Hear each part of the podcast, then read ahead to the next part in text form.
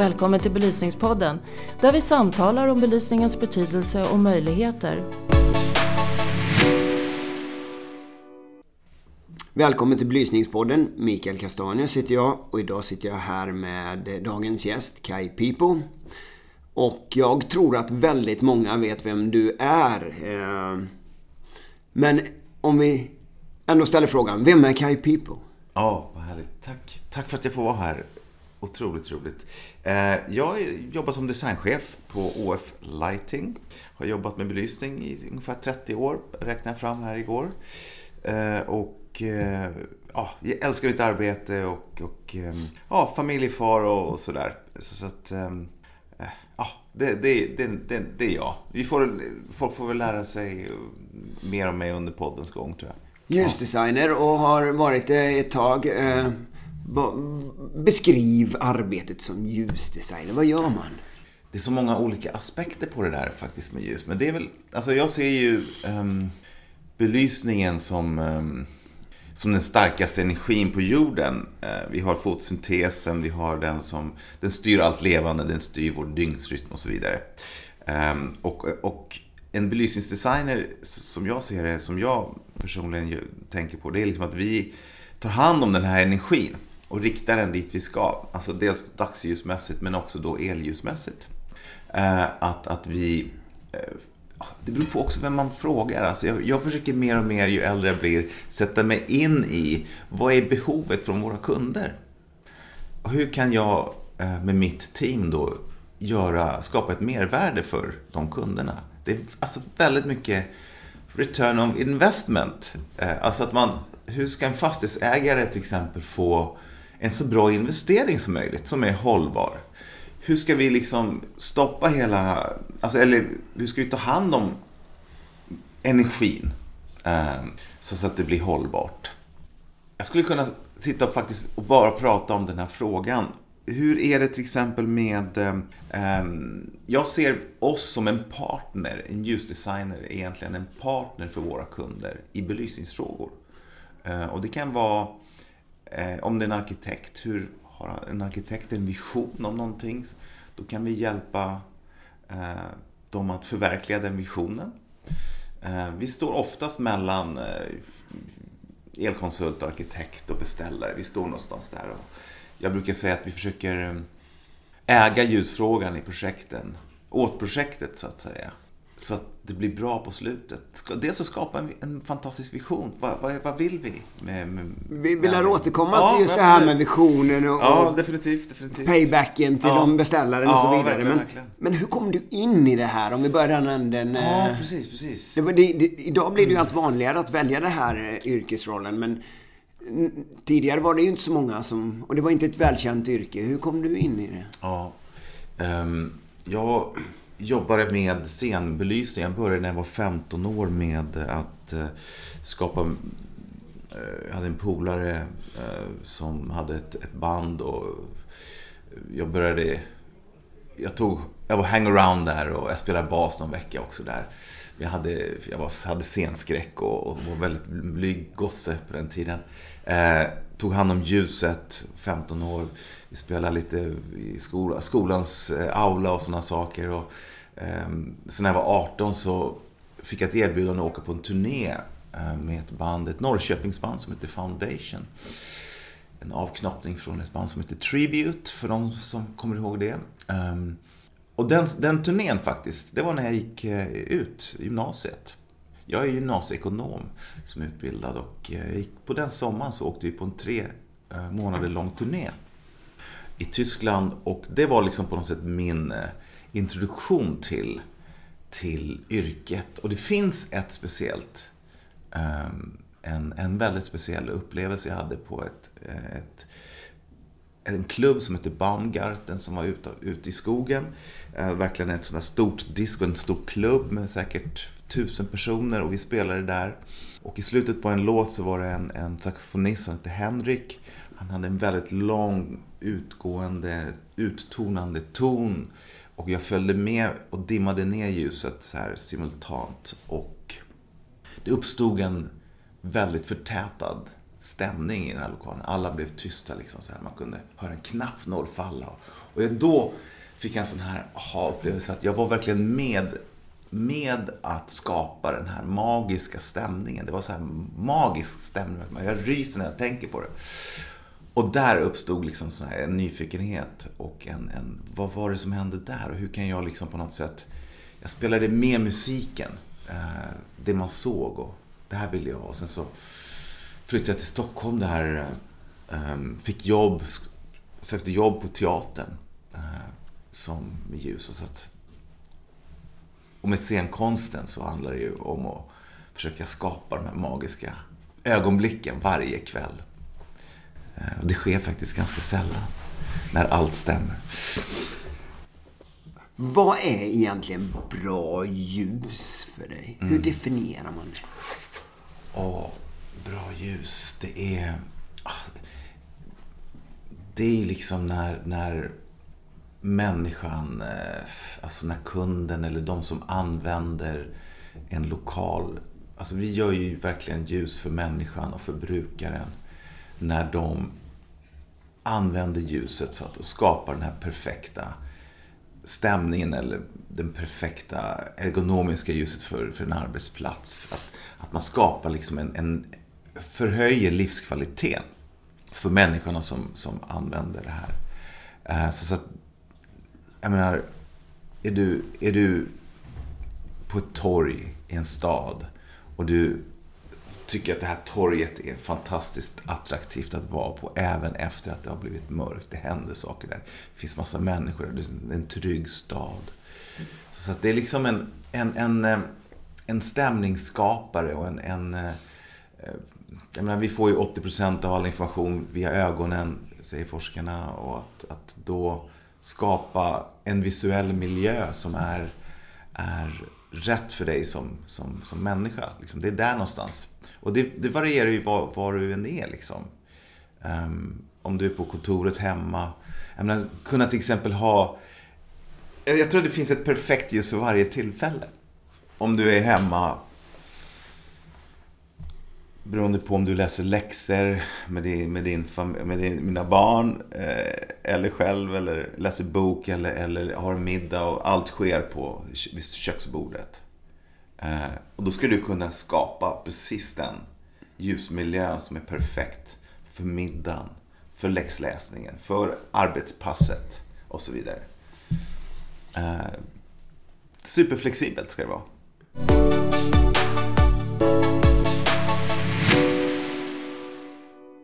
Om vi då får ställa en ytterligare något inställsam fråga möjligtvis. Men, men, det är ju faktiskt så att i princip alla vet vem du är i branschen. Du är ett väldigt etablerat namn i branschen. Och, och då är ju frågan, vad, skulle du kunna nämna några saker om du får ansöka dig själv som har satt varumärket Kai Pipo på kartan i den här branschen? Finns det några, några projekt eller något som du ser att det där är jag stolt över? Mm. Ja, det var lite bra inställsam fråga. Så här. Och jag har nog känt kanske... Men jag har hållit på, jag har hållit på, på så länge.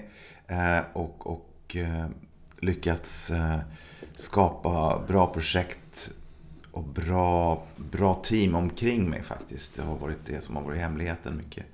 Men, men, men eh, jag tror att... Ehm, alltså jag har ju några projekt som är som jag är väldigt, väldigt nöjd med. Det är Jättarnas spår i, i, i Åre till exempel, en skidupplevelse där. Um, Sölvesborgsbron um, för några år sedan. Likadant som var för länge sedan var Nordic Light Hotel. Alltså det var så här, så här milstolpar. Um, ja, det finns ju. Men sen finns det ju hela tiden oh, det som komma skall på något sätt. Man, jag lever ju väldigt mycket i nuet och i framtiden. Um, men det roliga är att, att, eller det speciella med anläggningarna idag, det är att man, an, man äger dem.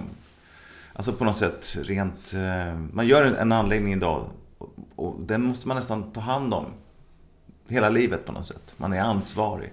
Jag känner mig så ansvarig för mina ljussättningar, att de ska funka och, och sådana saker. Jag vet inte om det var svar på frågan, men... men um, Mm. Det var ett absolut svar på frågan. Och, och, låt oss hoppa vidare och titta lite grann på då. Eh, vad, vad, är värdet av det jobb du och ditt team lägger ner? Alltså, kan man som beställare räkna hem att anlita er och på mm. vilket sätt då? Alltså det är en väldigt stor eh, investering oftast med belysning i oavsett om det är en stad eller om det är ett kontor.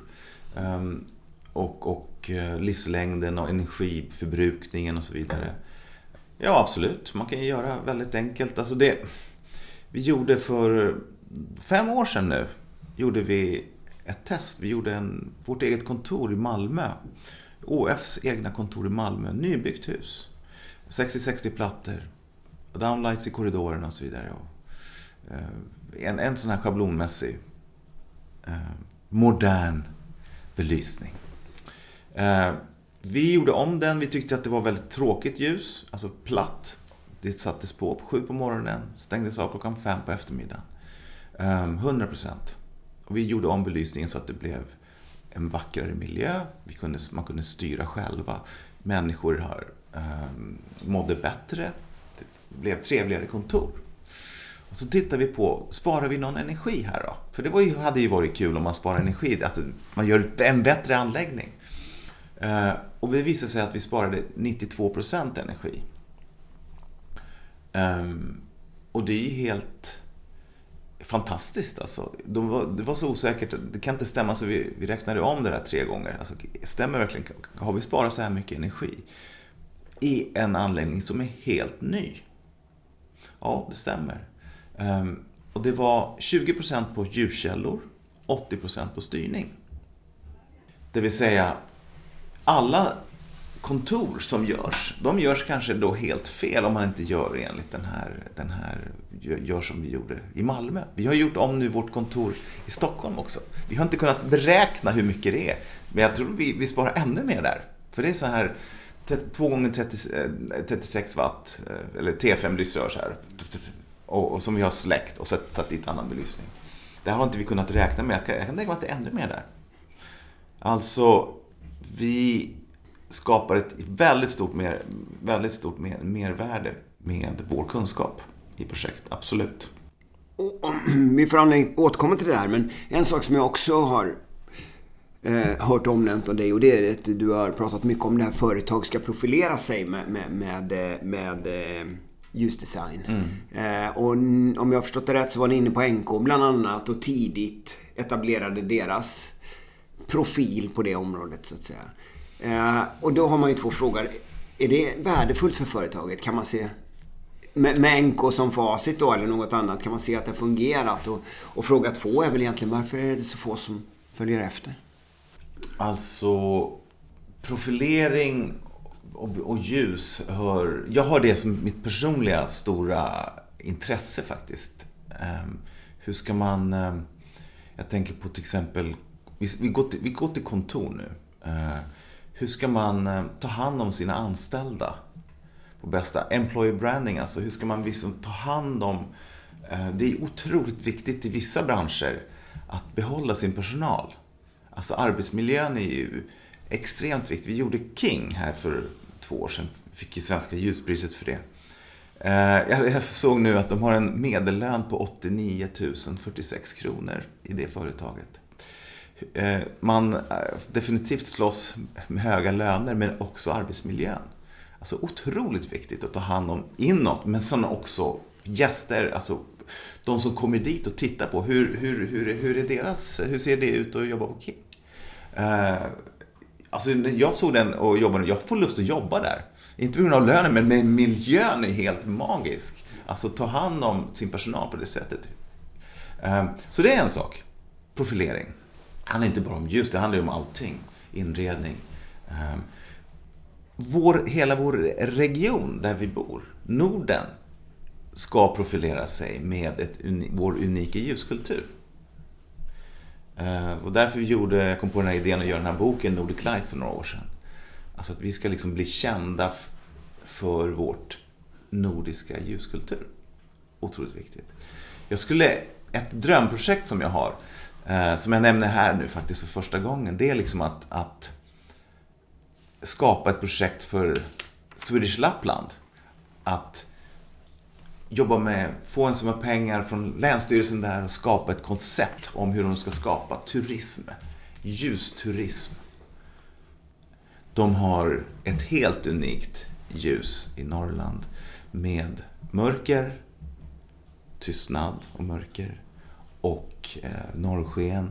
Sen har de på sommaren midnattssol som också är helt världsunikt. Alltså vilken, och paketera det på ett sätt. Få destinationer där och jobba med eh, turism och ljus. Alltså det, det är faktiskt ett drömprojekt jag har. Mm. Så nu är det ute i etern. Härligt. Men du nämnde här om, om kontor, tog du som ett exempel. I, idag är det ju väldigt traditionella lösningar, 60-60 plattor mm. som man mm. lägger då. Eh, vad tycker du själv om de lösningarna? Nej, jag tycker att det, det är ju um, det är fel att jobba med tråkigt ljus. Men varför blir det så? Varför, varför ligger det som standard överallt? Nej, för att det, det är enkelt. Eh, det är enkelt och det, det har att göra med att man gör det som, eh, som de övriga tekniska systemen. Ehm, luft och, och sådär. Och ljus är inte på det sättet. Om man ska använda, om man ska spara 92% energi så måste man eh, tänka igenom ljuset på ett annat sätt än, än en schablonmässig belysning. Ehm, och jag tror nu, i de här tiderna som är nu, så borde faktiskt alla involverade tänka igenom mycket noggrannare ehm, belysningen. Ehm, framförallt med styrningen, när man kan, det är där man sparar det mesta så att säga. Eh, sen är det ju, och det är också det som vi pratar, som du, liksom, vad är vår roll? Jo, fastighetsägare har en, en sak som de tänker på. De jobbar med ljuset på, som en investering och det ska vara enkelt och de vill helst ha samma ljus i alla kontor. Men vad händer då eh, när det kommer in en hyresgäst och de tycker inte om det här? Då, då slänger de allt och sätter in sina egna. Då borde det vara bättre att... Eh, för det är också någonting som vi gör på F-Lighting. Det är att vi håller inte bara på med belysningsplanering utan vi tittar på eh, kontrakt. Alltså när vi, vi hjälper hyresgäster eller fastighetsägare, det beror på eh, projekt. Vem ska betala för vad? Och hur ska man optimera ljuset för, eh, för projektet? Jag pratar inte bara för hyresgästen eller fast för projektet för att de gör, vill ju hyresgästen vill ha ett bra ljus, ha så mycket som möjligt för pengarna, för hyran och fastighetsägaren vill, vill att hyresgästen ska också vara nöjda. Men, alltså, och vi hjälper dem att titta på investeringen. Alltså, vem betalar för vad? Det traditionella sättet är det ju att eh, fastighetsägaren står för det ljuset som finns, allmänljuset, och sen står hyresgästen för de dekorativa armaturerna. Och det, det, där hjälper vi dem, för det, det funkar inte att tänka så länge.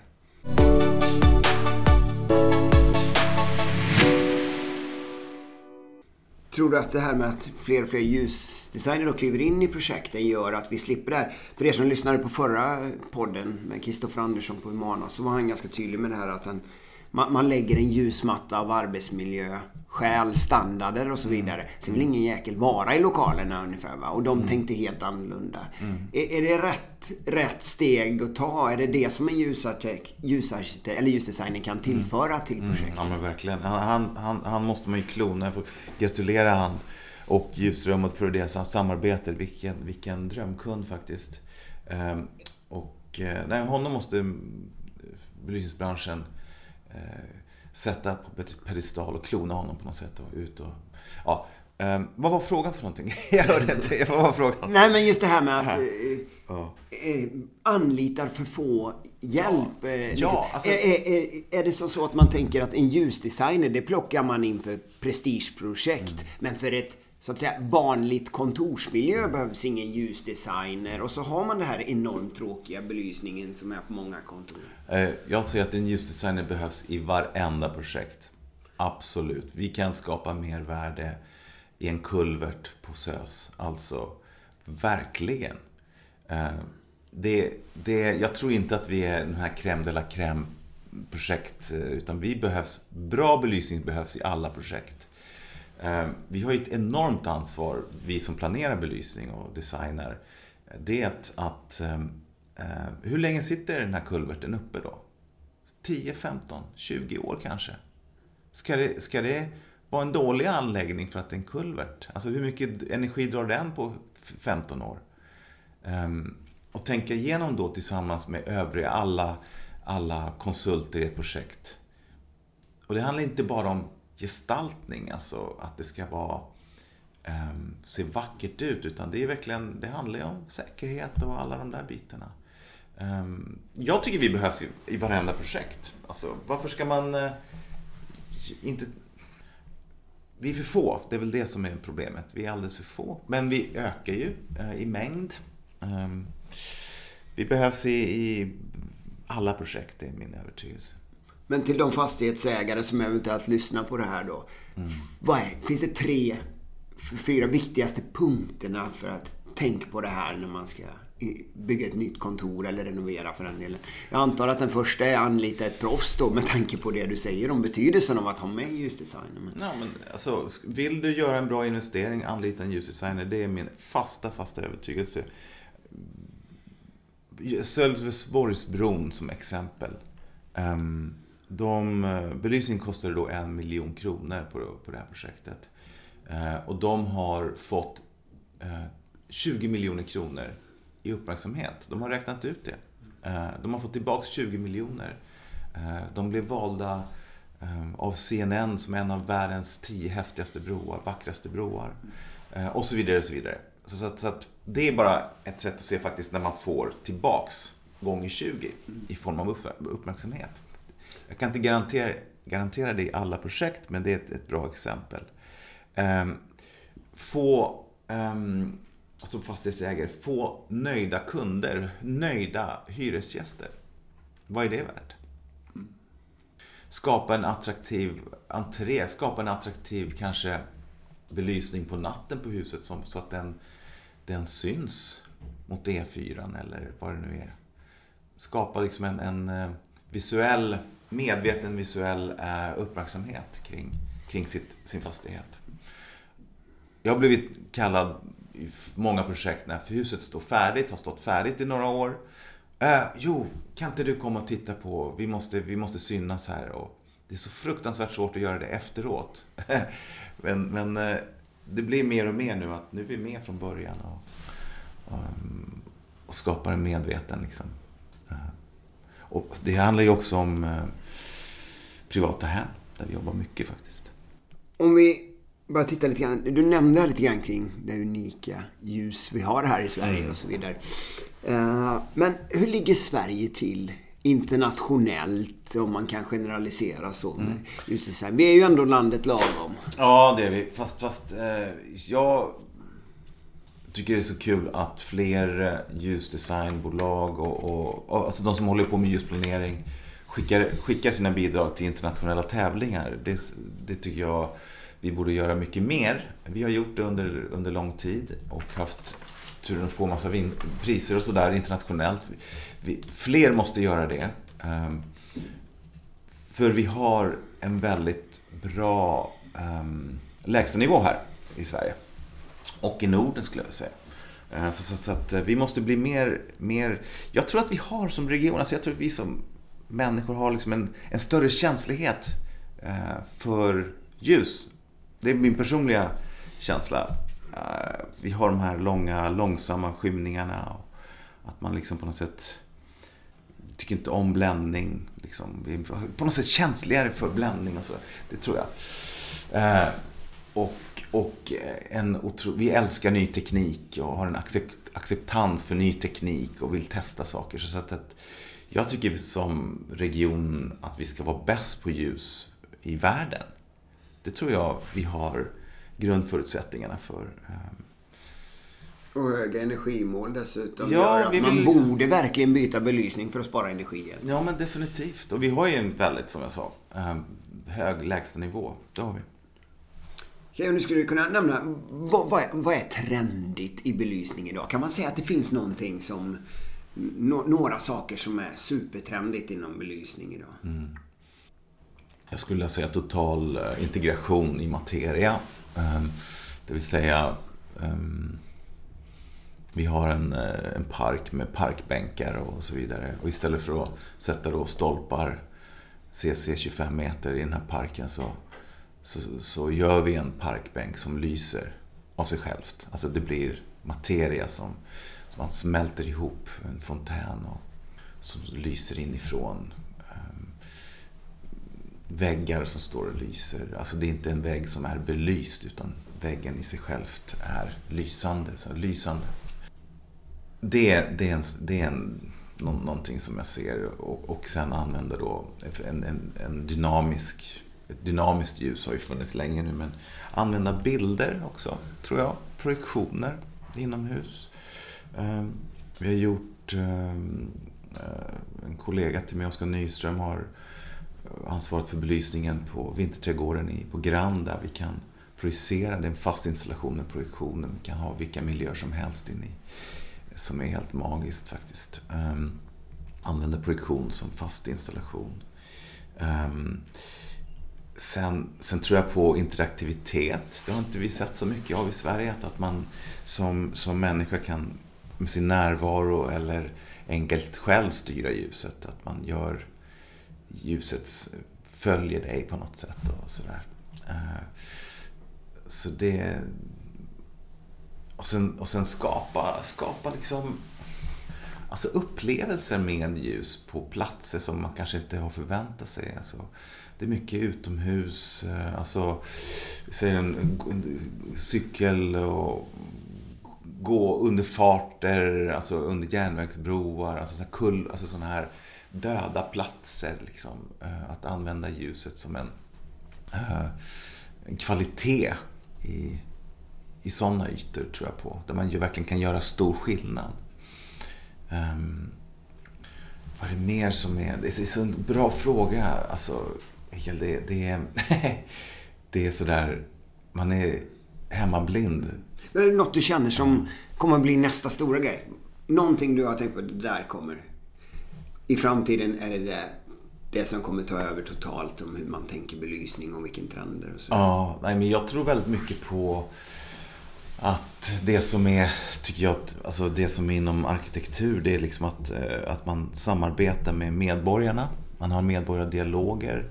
Eh, och man, man har med medborgarna i en designprocess. Eh, jag har haft turen att jobba med två sådana projekt. Eh, Mariatorget Maria torget och Axel Torv i Helsingör. Där man liksom tar med sig brukarna på ett annat sätt. Det tror jag blir en jätte, jätte stor grej i framtiden. De som brukar är med i designprocessen. Inte bara designteam så att säga. Det tror jag är en, en viktig aspekt i framtiden. Men sen också att använda ljuset som en... Alltså, för, om, om du tittar på bilar, alltså det är en intressant... Ehm, det som John Ruklander var inne på också, hur de jobbar så integrerat med, med ehm, känslan av att köra och ljuset och inuti, dofter. Alltså alla sinnena på något sätt är med. Ehm, det tror jag kommer också på eh, alltså inredning och design. Alla sinnen ska med.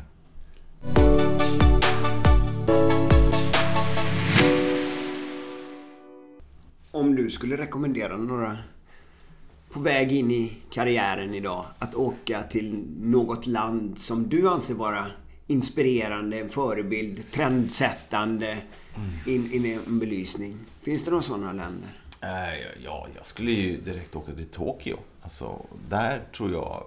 Eh, speciellt om man... Eh, alltså, definitivt åk till Tokyo. Där finns hur mycket som helst. Ehm, um, så jag tror också att det finns mycket att se i Dubai. Um, nu har inte jag varit där på väldigt länge. Uh, men, men det jag har hört finns mycket att se där. Um, London, New York, Paris, definitivt. Men, men Tokyo tror jag på. Där har jag varit, hängt lite grann när man pratar trender och sådär också och, och framförallt generellt inom belysning. Skiljer det sig mycket, anser du, genom hur ni tänker som ljusdesigners när man planerar offentliga lokaler gentemot privata, oavsett om det är kontor eller vad det är. Alltså, skiljer det sig? Är, är det sämre belysning i, i, i offentliga? Det är mer standard? Och är det lite mer kreativt eller om man ska kalla det i privata? Eller är det ungefär same same? Nej, alltså, jag, jag ser ingen skillnad på, på de två. Jag jobbar precis på, vi jobbar precis på samma sätt och det är liksom ett totalt engagemang. Um, uh, ställa de rätta frågorna. Få, alltså, pra, jobba, jobba, vi jobbar ju i team liksom. Vi jobbar ju som en del av ett stort team. Det som... Um, vi är fortfarande en ny, eh, vad ska man säga, en ny spelare på marknaden lite grann. Eh, vi kan komma in i ett projekt där resten av, av projektteamet har varit samlat i två år redan, eller tre år ibland. Och sen så har arkitekten kommit på, jo, vi måste ju faktiskt ha med någon som, en ljusdesigner också här för att vi måste göra någonting med det, med de tankarna. Och så kommer vi in och gör ett inspel där under, under ett halvår, ett år och sen så fortsätter Eh, projektet. De, de konsulterna är med där. Så att ibland är vi fortfarande med i sådana typer av projekt ehm, och gör ett kortare... Eh, och sen får man se vad som händer sen. Eh, hur mycket som är kvar av det. Ehm, de projekt som blir absolut bäst, det är där vi är med från från början till slut och sådär. Det där vanliga.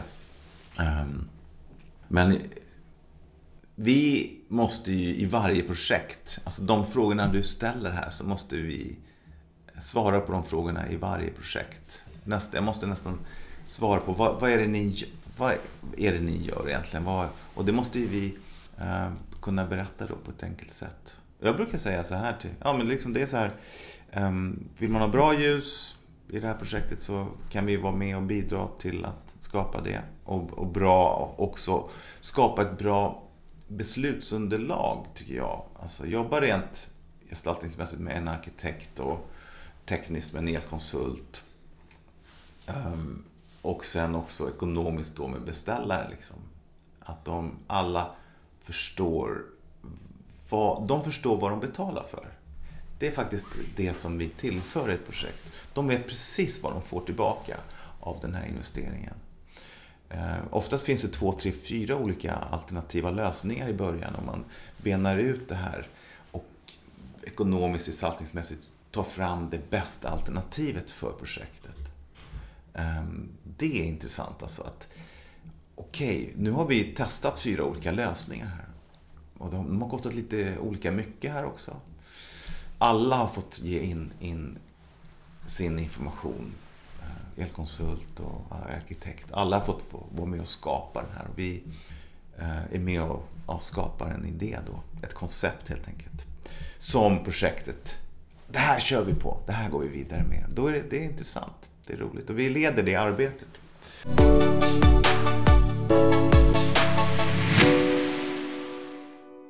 Mm. Jobbar hela branschen mot samma mål så att säga? Det här? Vi pratar framtid och vart vi vill. Och vi vet tekniken utvecklas hela tiden. Det går framåt. Mm. Jag, tillverkare, jag, det är många inblandade. Det är tillverkare av armaturer och, och driftorn och allt vad det må vara. Det är ni som konsulter och så vidare som ritar in produkter och så vidare. Och sen har vi installatörerna som ska sätta upp produkter och så vidare. Mm. Jobbar alla mot samma mål? Um, I de bästa av världar så gör man ju det men, men uh, världen är stor, många projekt uh, finns det där ute um, och det finns bra och dåliga projekt som du känner till. Jag, tycker, jag tycker, alla pratar om samarbete sådär, men jag tycker att vi har nu börjat samarbeta med eh, armaturleverantörer på ett annat sätt. Vi hjälper till och tittar på eh, olika produkt, eh, produkter och förbättrar och designar armaturer också mer och mer. Det tycker jag är askul att få ett samarbete. Det skulle jag efterlysa mer faktiskt. Mer samarbete mellan elbranschen eh, Eh, och ljusbranschen, installatörsbranschen. Eh, vi sitter lite i våra silos fortfarande. De gör sitt, de tittar på sitt. Vi förstår inte hur de jobbar, de förstår inte hur vi jobbar. Eh, där skulle jag vilja ha en, en större ehm, på elmässan kanske diskutera hur ska vi jobba ihop på ett bättre sätt. Ehm, Finns det, var, var, var bränner det till? Var är det liksom? Vi säljer ju inga produkter.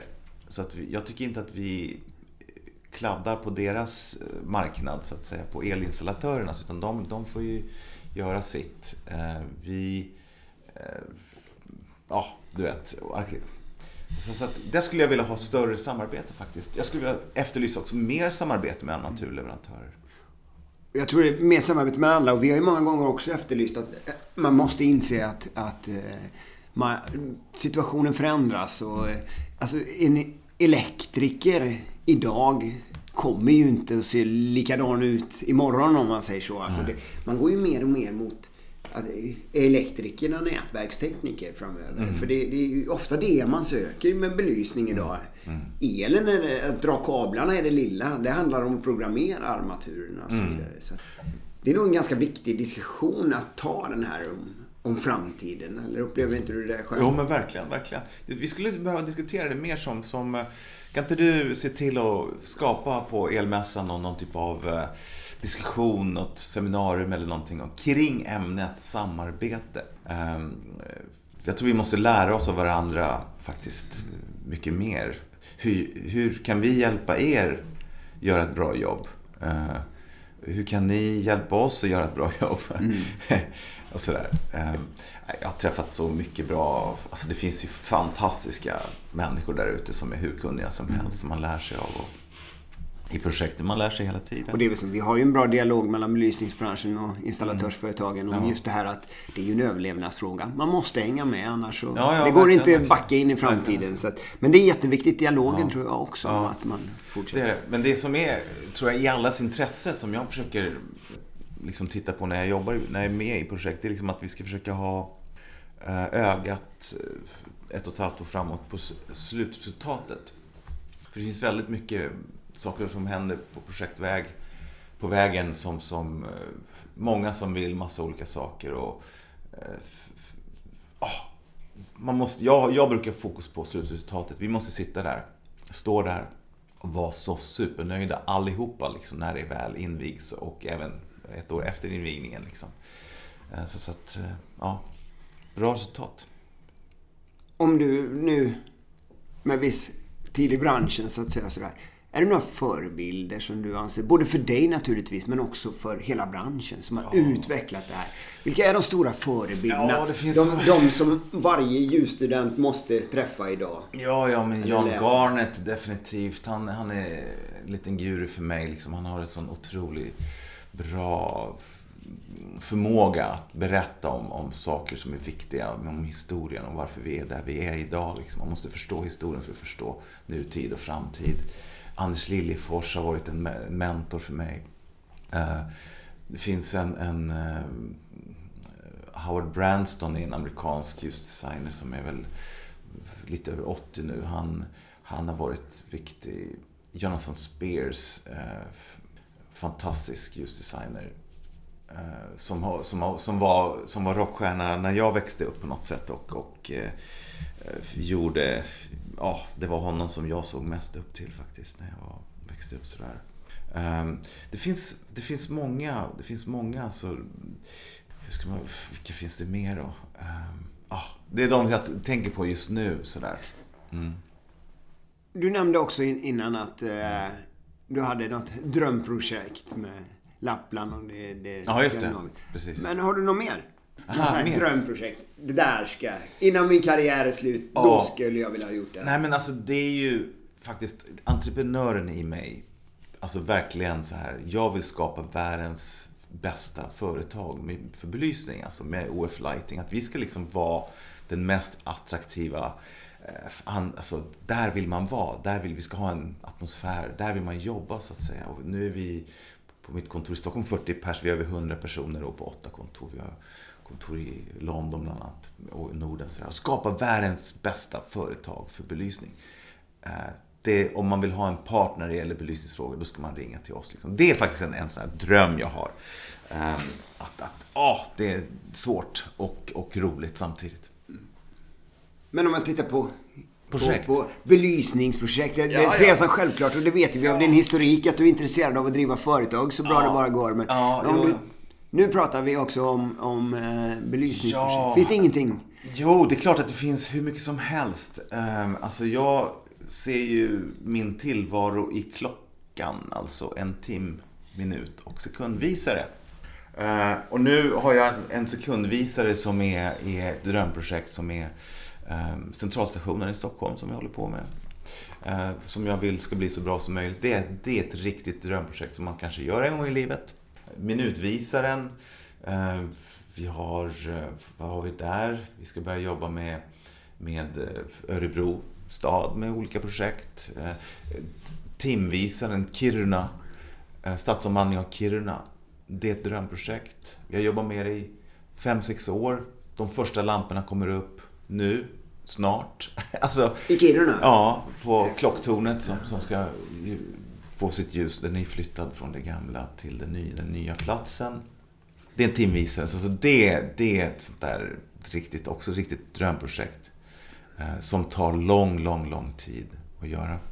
Eh, sen händer det ju, sen har jag några privata projekt som är riktiga eh, med kunder som, som är kreativa.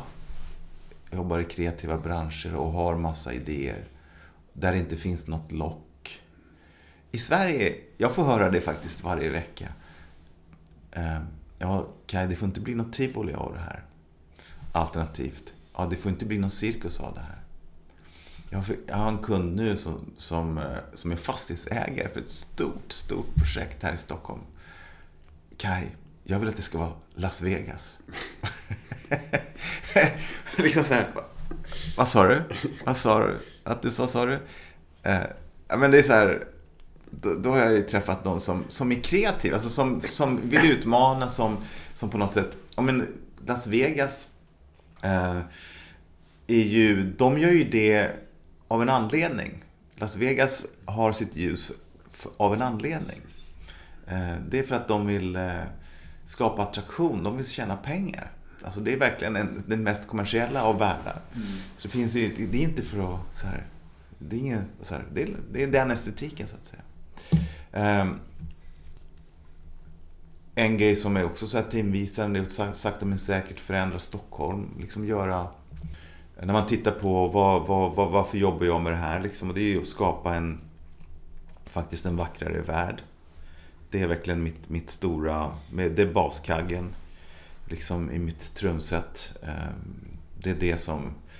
Sen finns det ju massa trygghetsaspekter och sådana här saker Men liksom att, att eh, nej men, göra Stockholm vackrare faktiskt. Vi har så fruktansvärt mycket mörker här. Jag tycker det är världens mörkaste huvudstad. Okej, vi ska runda av den här podden, men eh, precis som vi gör med alla andra så ska vi, trots att du har nämnt förebilder och så vidare, ja. så ska vi be dig säga vem skulle du vilja ha som gäst i podden om du bara får ta en utav mm. de här personerna? Jag skulle vilja höra Klara Fränkel ehm, i podden. Hon forskar och jobbar. Vi har jobbat mycket tillsammans. Jag tycker hon är väldigt intressant. Jag tycker att fler skulle höra vad hon har att säga. Spännande. Vi eh, får hantera din önskan. Ja, och så tackar vi dig så hemskt mycket för att du tog dig tid för det Ja, bra, bra. Tack, tack. Tack, tack så mycket. Ja.